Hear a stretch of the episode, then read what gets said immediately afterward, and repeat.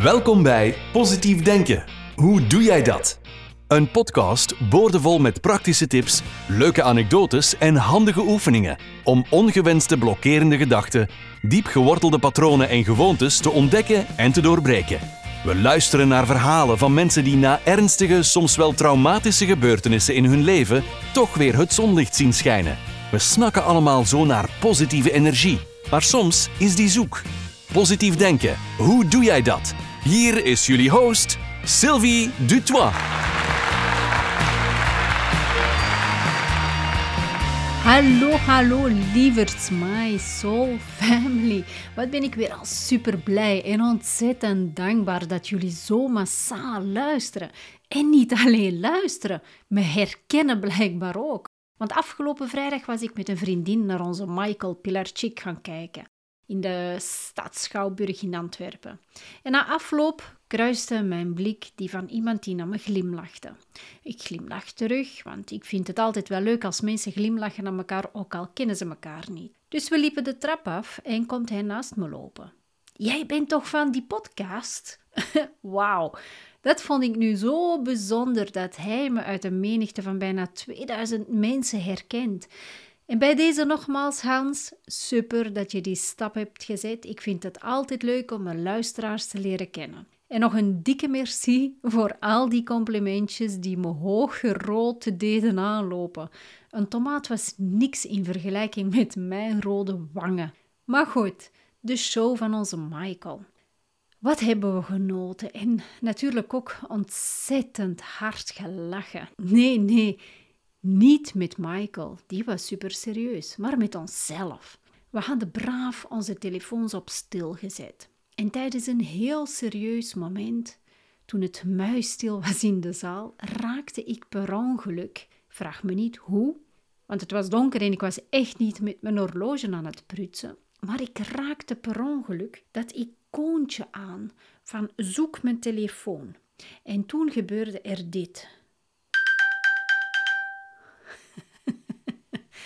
Dat alarmpje ging af. Ik schrok me rot van mijn eigen telefoon. Wist niet wat er gebeurde, want ik zat in zo'n diepe concentratie te luisteren naar onze Michael. Al een geluk kon hij er een grapje over maken, want wat ik uiteindelijk maar half heb gehoord, maar hoorde hem wel iets zeggen over een alarm zetten tijdens de show. Nou, of hij ermee lachte, weet ik niet echt, maar ik lag in een deuk en ik schaamde me rot tegelijkertijd. Hoe kan ik nu aan dat icoontje komen terwijl ik dacht dat ik, dat ik zo netjes stil zat? Maar goed, mijn buurvrouw gaf me toen haar eerste boze blik. En ik hoopte dat ze me kon vergeven. Een beetje later gaan we daar mediteren en zitten we al goed diep in die meditatie. En dan hoor ik plots uit die handtas van mijn vriendin... Hakuna Matata. Allee, je hebt het of niet? Hakuna Matata. Het is maar hoe je het ziet. Je hebt geen zorgen, zorg maar dat je geniet. Het is een theorie, filosofie. Hakuna Matata. Dus ik hoorde dit vanuit de handtas van mijn vriendin die naast me zat. En toen, toen was het echt om zeep.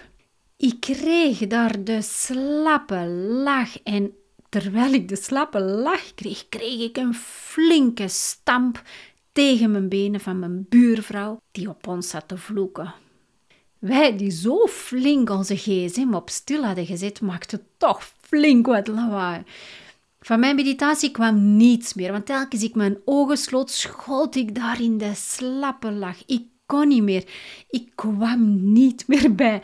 Ken je dat? Je, moet, je, je weet dat je serieus moet zijn, dat je stil moet zijn voor anderen, maar dat lukte gewoonweg niet. Hoe hard ik ook mijn best deed, het wilde niet lukken. De tranen rolden over mijn wangen. En uiteindelijk de enige oplossing die ik me kon bedenken was mijn ogen openen, stoppen met te mediteren of te proberen te mediteren en mijn focus verleggen. Gelukkig dat hielp. Maar bij mijn linkerbuurvrouw hebben ik en mijn vriendin er gelegen. Ze zat al haar gal over ons, maar te spuwen bij haar echtgenoot, terwijl Michael ons probeerde duidelijk te maken: leef je mooiste leven. En hoe doe je dat? Door los te laten. Nu, ik vond het heel erg dat mijn buurvrouw deze boodschappen niet kon horen omdat haar focus al veel te veel was verschoven van het podium dat recht voor haar was, naar die twee kiekjes die rechts van haar zaten. Nu, in ieder geval, ik hoop dat ze ons achteraf toch nog heeft kunnen vergeven. Want na ons telefoonincidentje zijn we wel heel braaf en heel stil geweest. We durfden maar amper bewegen. Maar goed, leef je mooiste leven. Laat los van wat je ongelukkig maakt, van wat je ergert. Maar hoe doe je dat dan? Ik zal jullie mijn stappenplan geven. Ja, een stappenplan. Want mijn vriendin heeft wel honderd keer gezegd: je moet een stappenplan hebben, want zonder een goed stappenplan lukt het je niet om los te laten. Zwat, hier is mijn stappenplan dat ik ook gebruik en leer in mijn cursus Healing Through Awareness. En ik zal het even in het kort weergeven. Je moet eerst beginnen bij stap 1 natuurlijk. Wie of wat wil je zijn? En door middel van een visualisatie, meditatie, kom je te weten wie of wat je wilt zijn. Het is belangrijk dat je uit die persoon stapt die je nu bent en in de persoon stapt die je wilt zijn. En dan heb je stap 2. Natuurlijk kom jij je ego of je pijnlichaam tegen die je voornamelijk in die comfortzone wilt houden. Het is belangrijk dat je gaat onderzoeken waarom je ego of je pijnlichaam om de hoek komt piepen. En dan ga je naar stap 3, want waar komen die gedachten vandaan? Van waar zijn ze? En deze moet je uitzoeken zodat je ook je vergeving kunt doen. Want stap 4 is vergeven. Vergeven, vergeven, vergeven. Tot je vergeten bent waarom je vergeeft. Deze is een super belangrijke. Waarom? Als je iets of wat op de hoogte bent hoe energie werkt, dat we allemaal energetische wezens zijn en dat we met alles en iedereen verbonden zijn, zo zijn we ook met mensen, materiële dingen, plaatsen of landen energetisch verbonden. En via zo'n energetische verbinding, dat we ook wel een energetisch koord noemen, daar sturen we al onze negatieve emoties en al onze negatieve gedachten door. Want gedachte is ook energie. Het is een bepaalde frequentie, afhankelijk van het feit of ze positief of negatief zijn. Nu, door die koord, doordat die energetische koord die je verbindt met iemand die je niet kan loslaten, sturen jullie dus constant, zoals eb en negatieve energie naar elkaar. Van elkaar en naar elkaar. Heen en weer. En heen en weer. Deze energie gaat elkaar op de duur zo sterk beïnvloeden dat jouw trillingsfrequentie ook helemaal gaat verlagen en dit je mentaal helemaal gaat opvreten. Want je kan op de duur aan niets anders meer denken dan je boosheid die gericht is naar die ene persoon. En om dit dus te voorkomen, moet je vergeven. Zo zet jij niet alleen jezelf vrij van deze persoon, maar ook deze persoon vrij van jou.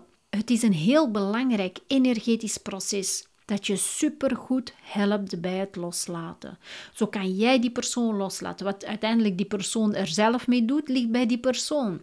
Die is pas vrij als die het kan loslaten. Maar goed, dan gaan we naar stap 4 en hier leer je je inner being kennen, je ware ik, het mooiste licht dat in je schijnt. En dan heb je nog stap 5 en dat is rewiren. Je moet je brein, uh, je brein moet nieuwe neurologische paden aanleggen. Nu, dit is het in het kort natuurlijk. Eh, er komt nog veel meer bij kijken als je wilt loslaten.